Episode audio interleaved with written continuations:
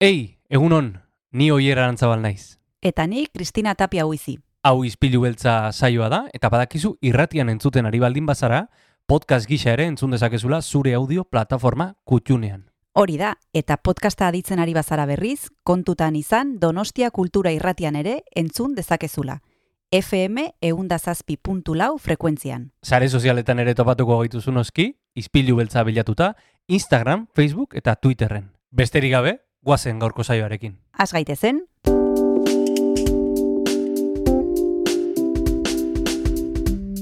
Ispilu beltza. Donostiako kulturaren berri, Oyer Arantzabal eta Kristina Tapia buizirekin. Egun honen zule urtarilak emezortzi ditu asteazkena da, eta bagoaz gaurko izpilu beltzaren parean jartzera.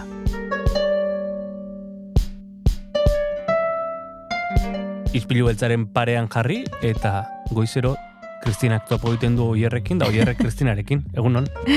egun on, zer modu zaude oier? Primeran, primeran, hemen mikrofono aurrean jartzeko gogoz, eta kafea bero-bero. Oso ondo, ba, gaurko saioa izugarria da, ze badekizu e, batura zikloak irugarren e, urtea betetzen duela aurten, eta mm, emakumeari eta euskal musikari e, dedikatuta dago, Victoria Eugenia Antzokian, hogeita soian, klubean, esan behar dugu, Mhm. dela e, Julia Sicilianok eta Natalia Titxek e, eskainiko dute kontzertua, bata pianoarekin eta besta biolarekin, eta guk gaur Julia Siciliano gombidatu dugu. Julia Siciliano gaurko gonbidatua eta Jon Gartzia gure DJ-a esango dugu, DJ lanak egiten duelako izpilu beltzan, eta gaur ere bere musikarekin hasiko dugu saioa. Goazen gaurko izpilu beltzarekin.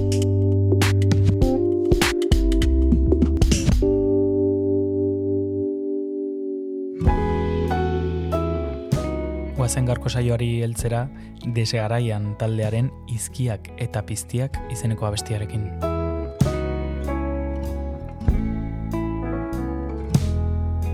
Basoa hartu duzuak lehenik dira hartzak Aize berriek aritza jotzen dukete zartzak Beldur dira asko narrak, muskerrak ta horkatzak. Izkiok eta piztiok irira dara matzak. Uso karraskariak ta arratoiak egaldan. Gau ontza desegokiak saldoka zaldi saldan Txakurre rabiatuak eundakako samaldan Hautzegindako mandoa urtarrileko maldan. Iria ere hartu duzuak beso zabalik. Hobenuken mingaina erre izan ez balik Euri zirinak kaleak atunditzak epolik Baina ez dago erabat garbitzen den odolik.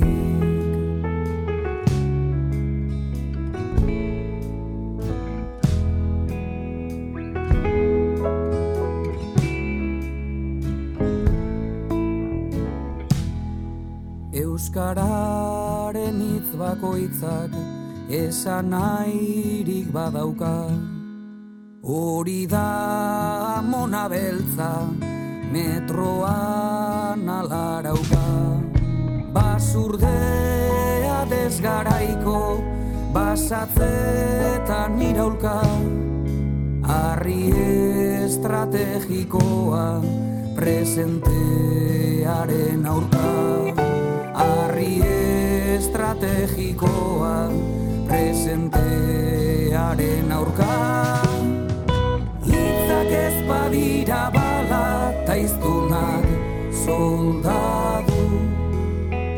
Zer da bahira baztea, zer da haien zer dago Euskararen hitz bakoitzak esan nahirik ez badu orduan erabiltzeko. Ez badira bala Ta iztunak soldadu.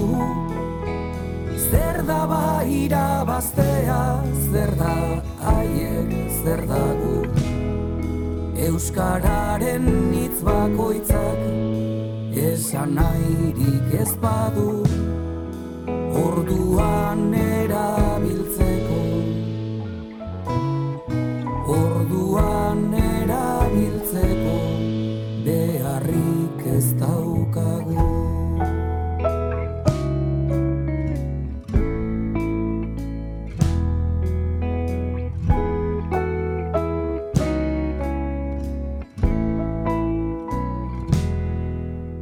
Hirugarren ziklo batura. Mujer y música vasca izeneko zikloa e, aurkeztuko dugu gaurko saioan, eta horretarako Julia Siciliano gerturatuko da. Bai, norro be, e, musikari bat e, baino esplikatzeko zer den e, zikloa eta zer joko duten, esan bezala Victoria Eugeniako klub aretoan, hogeita zeian izango da, Julia Siciliano egongo da Natalia Titxekin batera, batak pianoa joko du eta bestela besteak e, biola, izugarrizko ibilbidea du Sicilianok, eta besteak beste kontatuko digu zertan e, dabilen momentu hontan, eta nahi baduzue, ba, guazen entzutera, Julia Sicilianoren elkarrizketa. Guazen.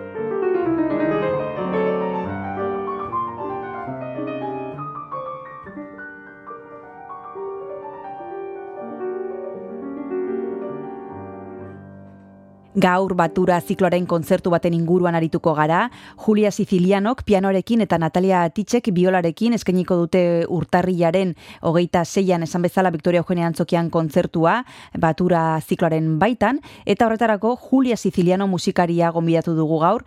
Egunon, Julia, ¿qué tal estás? Bien, gracias. Bueno, como hemos dicho al principio, participas en el ciclo Batura, Mujer y Música Vasca.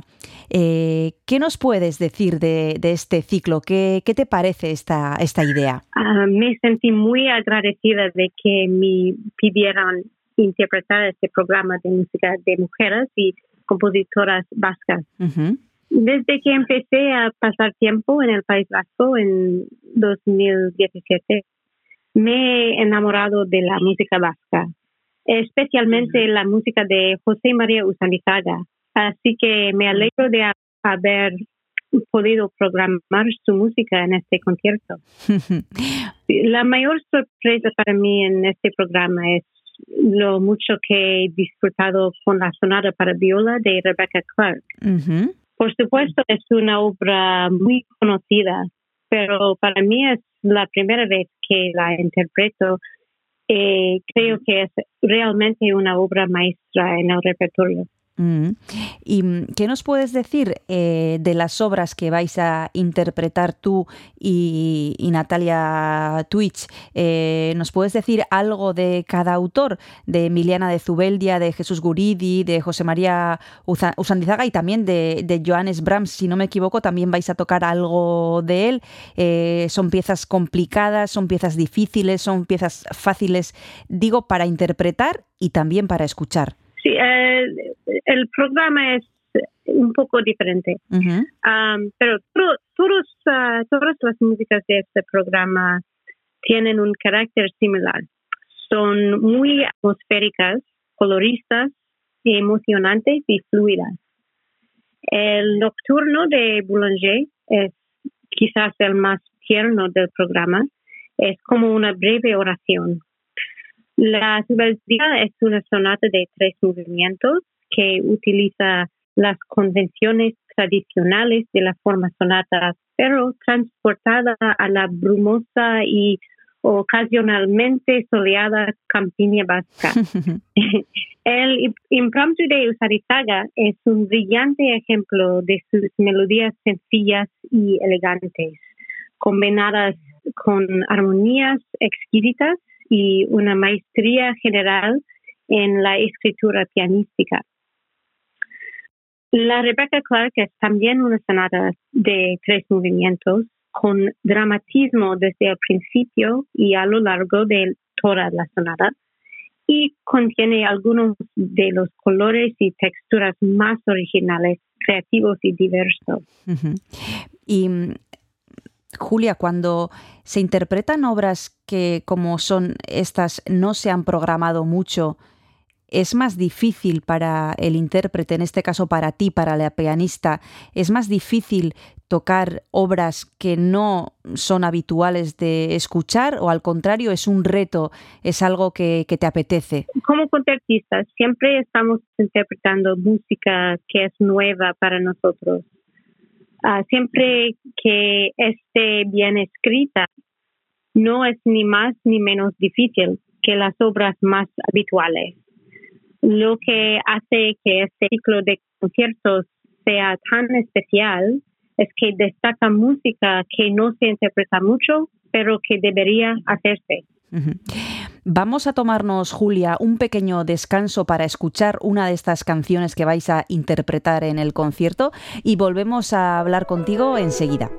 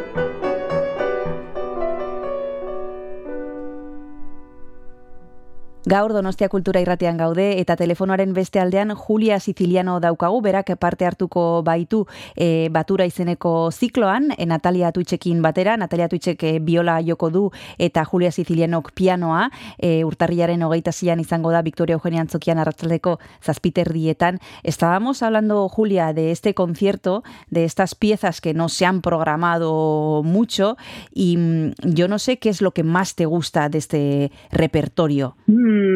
La Rebecca Clark ¿Y ha sido difícil eh, preparar este concierto o ha habido alguna dificultad, algo que te haya costado especialmente? La día fue probablemente la más difícil de preparar. Eh, en la partitura no hay muchas indicaciones de la compositora sobre cómo quería que se interpretara la música en concreto. Y como no hay grabaciones de esta obra, la única referencia que tenemos es nuestra propia intuición musical. Mm. Esperemos que el resultado sea bueno. Hmm. Seguro que sí, porque además, como hemos dicho al principio, Julia, en el escenario te va a acompañar con la viola Natalia Tich y yo no sé qué nos puedes decir de quien te acompaña, eh, qué cualidades destacas de ella, cómo nos describes a tu compañera. Ah, Natasha Tich es una violista maravillosa toca con facilidad, elegancia y el sonido rico y oscuro que mm. se espera de la viola. También es una persona maravillosa y una buena amiga. Y mm, muchas veces preguntamos aquí a las personas que os dedicáis a la música clásica si para ir al concierto nosotros deberíamos saber algo de música clásica o algo de los autores que vosotros vais a, interpretar.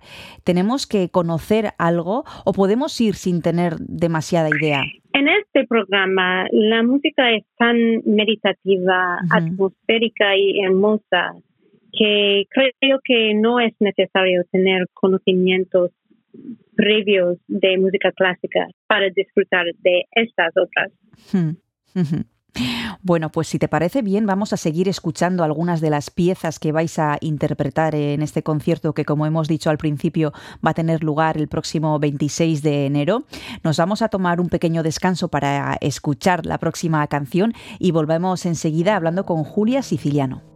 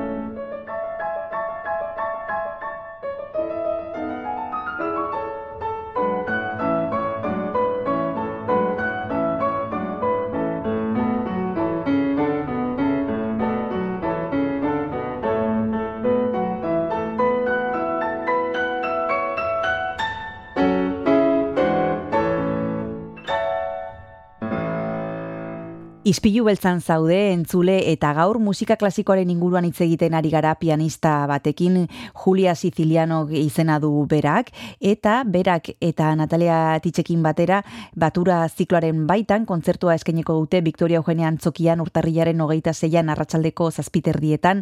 E, badekizue batura zikloak emakumeari eta euskal musikari eskainia dagoela aurten eta ari gara e, piano jole honekin hitz egiten e, repertorioaren inguruan eta kontzertu kontzertuaren inguruan.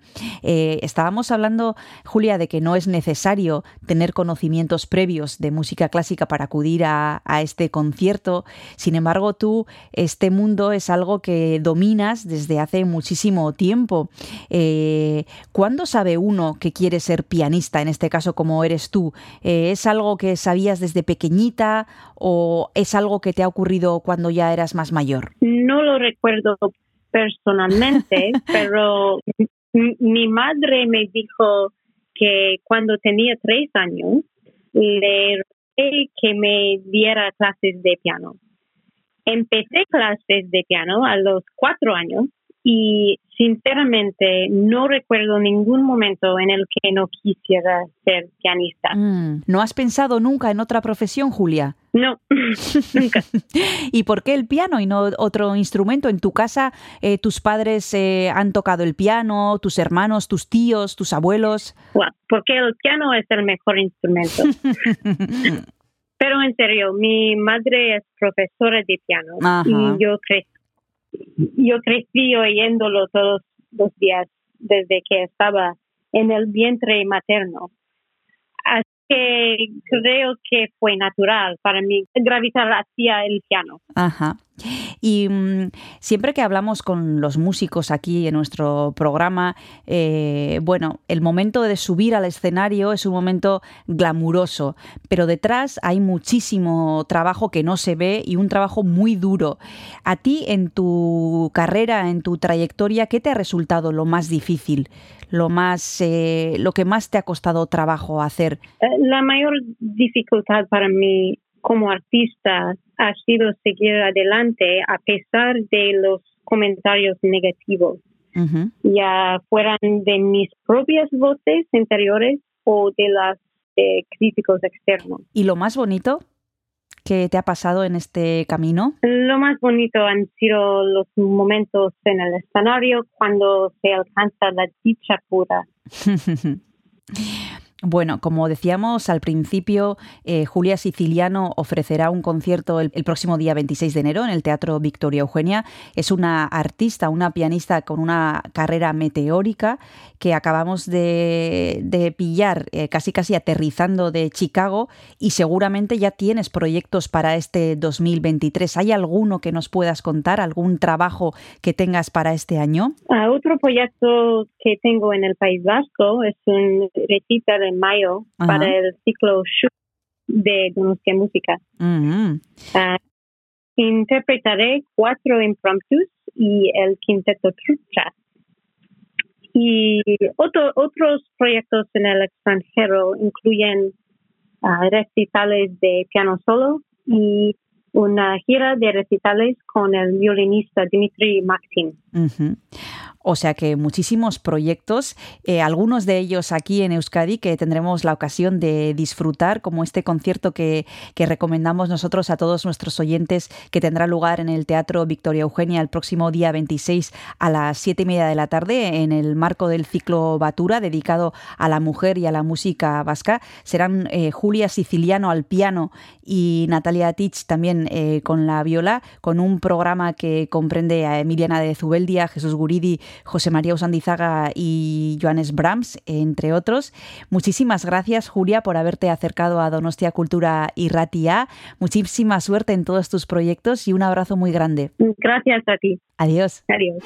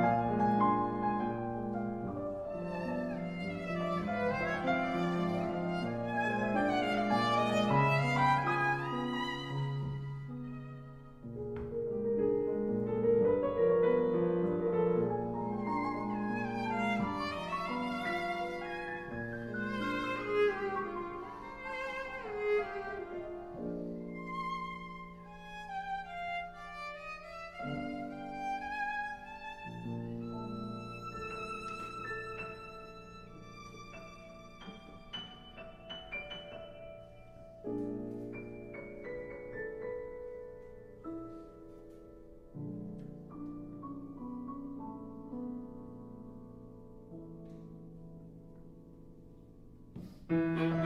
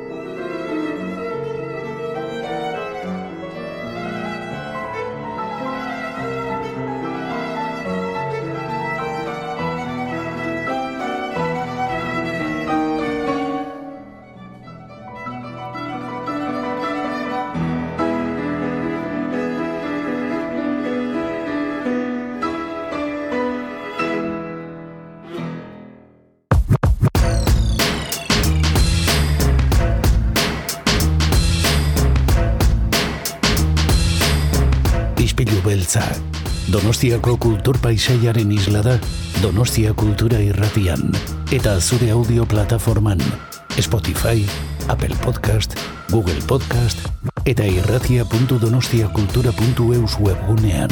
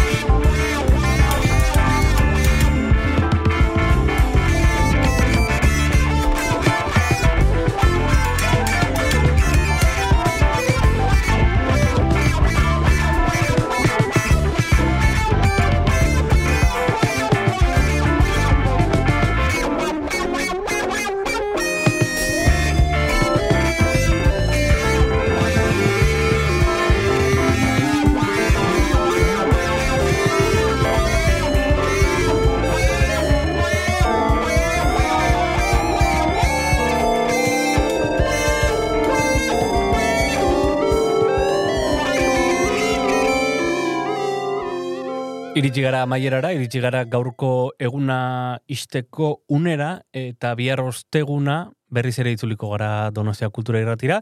Bihar osteguna, oiko legez, Jose Miguel Tranekin zinema egiteko, eta gainera beste konturen batekin ere, bai? Bai, irakurketa kluben inguruan hitz egingo dugu Mari Garziarekin, ze badekizue aspalditik e, mintzoan kuskus ekimena antolatzen duela galtzagorri elkarteak eta Donostia Kulturak, larun batetan elkartzen dira aur liburutegi nagusian, e, ba, irakurzaletasuna bultzatzeko eta bar, eta Marik nik uste dut elkarrizketa oso ederra eskeneko digula bihar. Bihar izango da hori, Donostia Kultura Erratian esan bezala, FM eundazazpi puntu frekuentzian, eta tira, plataforma guztietan ere, topatuko gaituzu, izpilu beltza bilatuta. Baita, Twitterren eta Instagramen ere.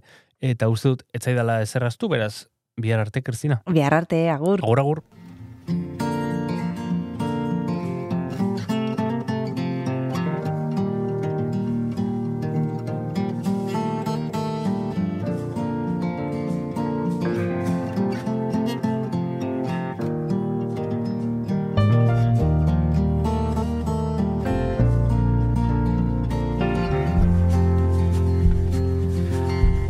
Is how I tell it. Oh, but it's long.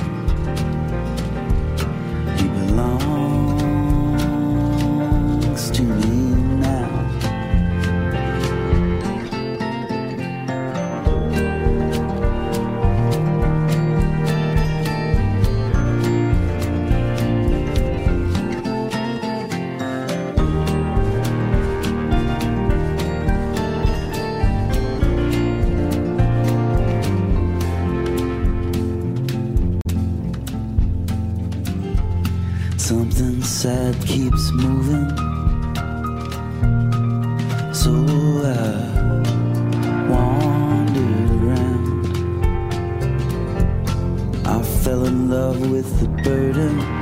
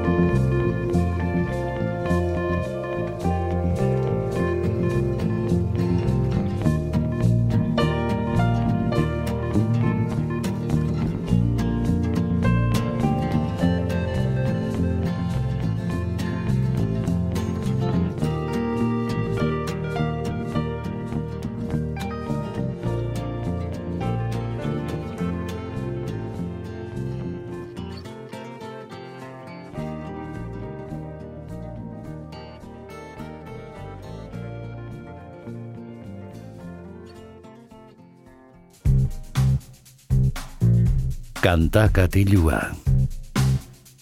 Jon Gartziaren eskutik. Kaixo entzule, ongietorri beste egun batez kanta katilura, iritsi gara izpilu beltzari amaira emateko momentura, momentu musikal honetara. Eta tira, ohitura bihurtu dugu egunero egunero diskoak eh, hasiratik amairara entzutea, eta gustoko dugu alaxe egitea hemen Donostia Kultura Irratian. Gaurkoan e, roka entzungo dugu, arria taldearen e, lehenengo lana entzungo dugu, Aitor Aldanondo musikariaren bakarkako proiektua da, Brigada Kriminal, Fiakras edo eta Bizardunak bezalako taldeetan aritua da, eta lagun ditu bertan maitane azkarate, ekaitz aranberri eta gile sanz musikariak, beraz eh, lehenengo kantuarekin astera, hau da Saturno.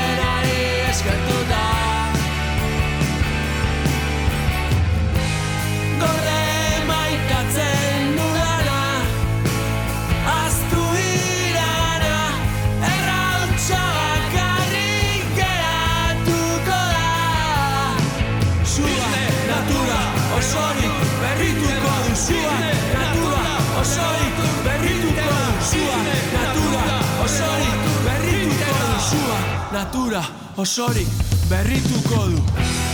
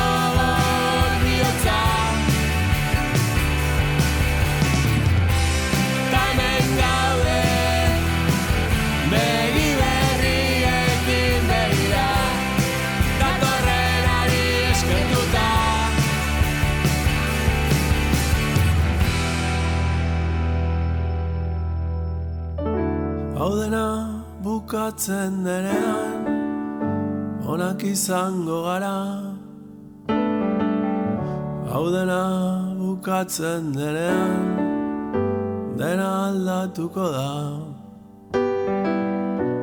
Zuzen bidean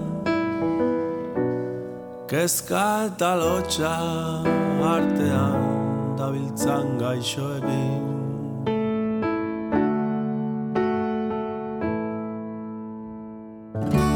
Hau dena bukatzen denean Isilik egongo naiz. Hau dena bukatzen denean Guztion izenean Buruz bera Jarri gintuzten hildako Olioen antzera. Mantra bat zirudien jainkoari begira Erantzun baten bila iluminazio egarriz. Hau dena bukatzen denean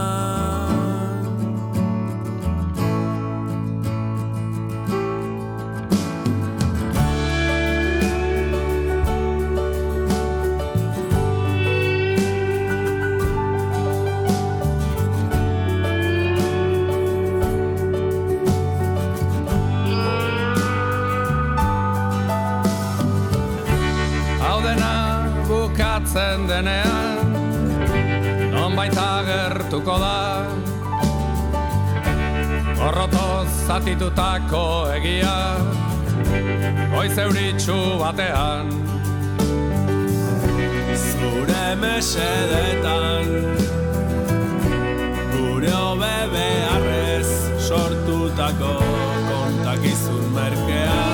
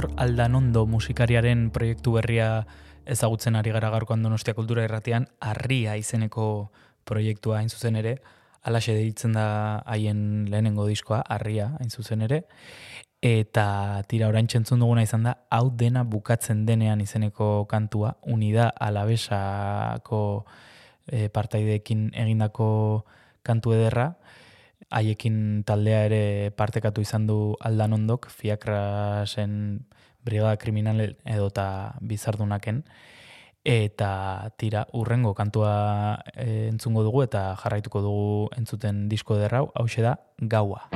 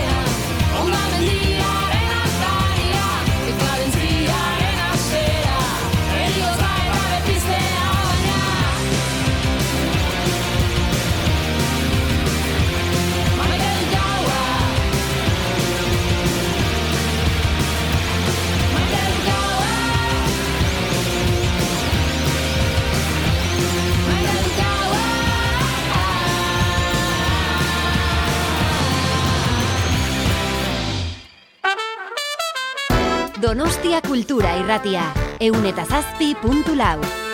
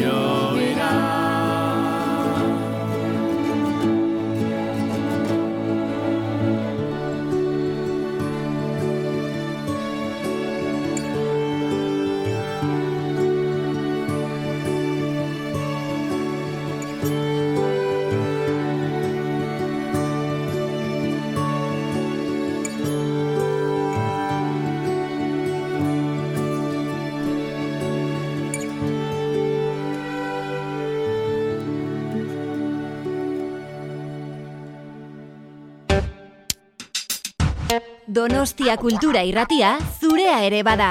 Zatoz eta parte hartu.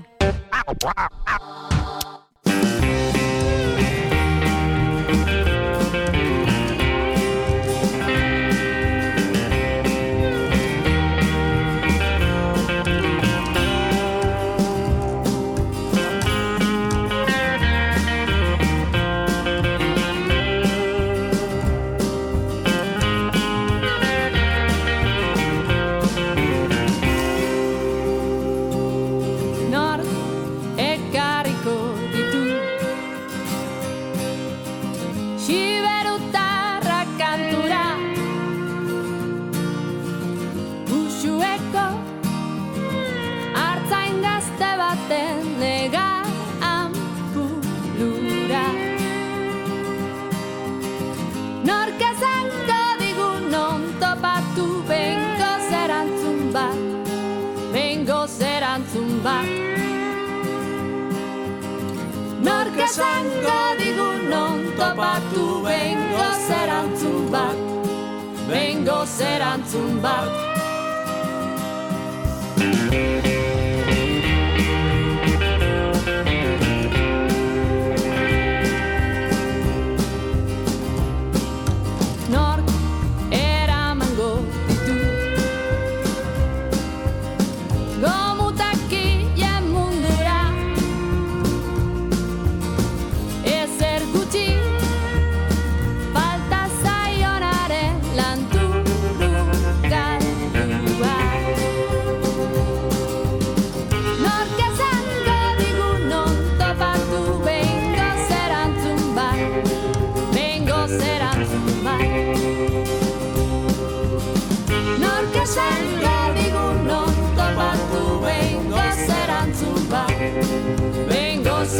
明白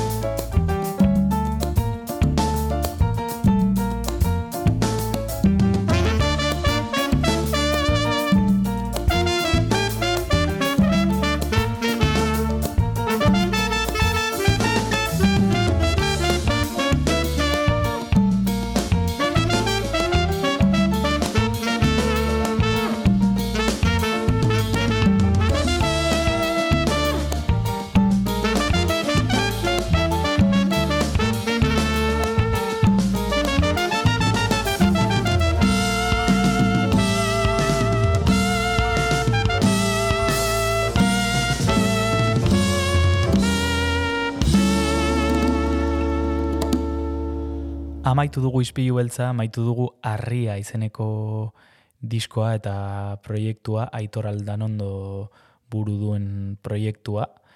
Eta orain txentzun duguna izan da Iuna eta Argia izeneko kantua.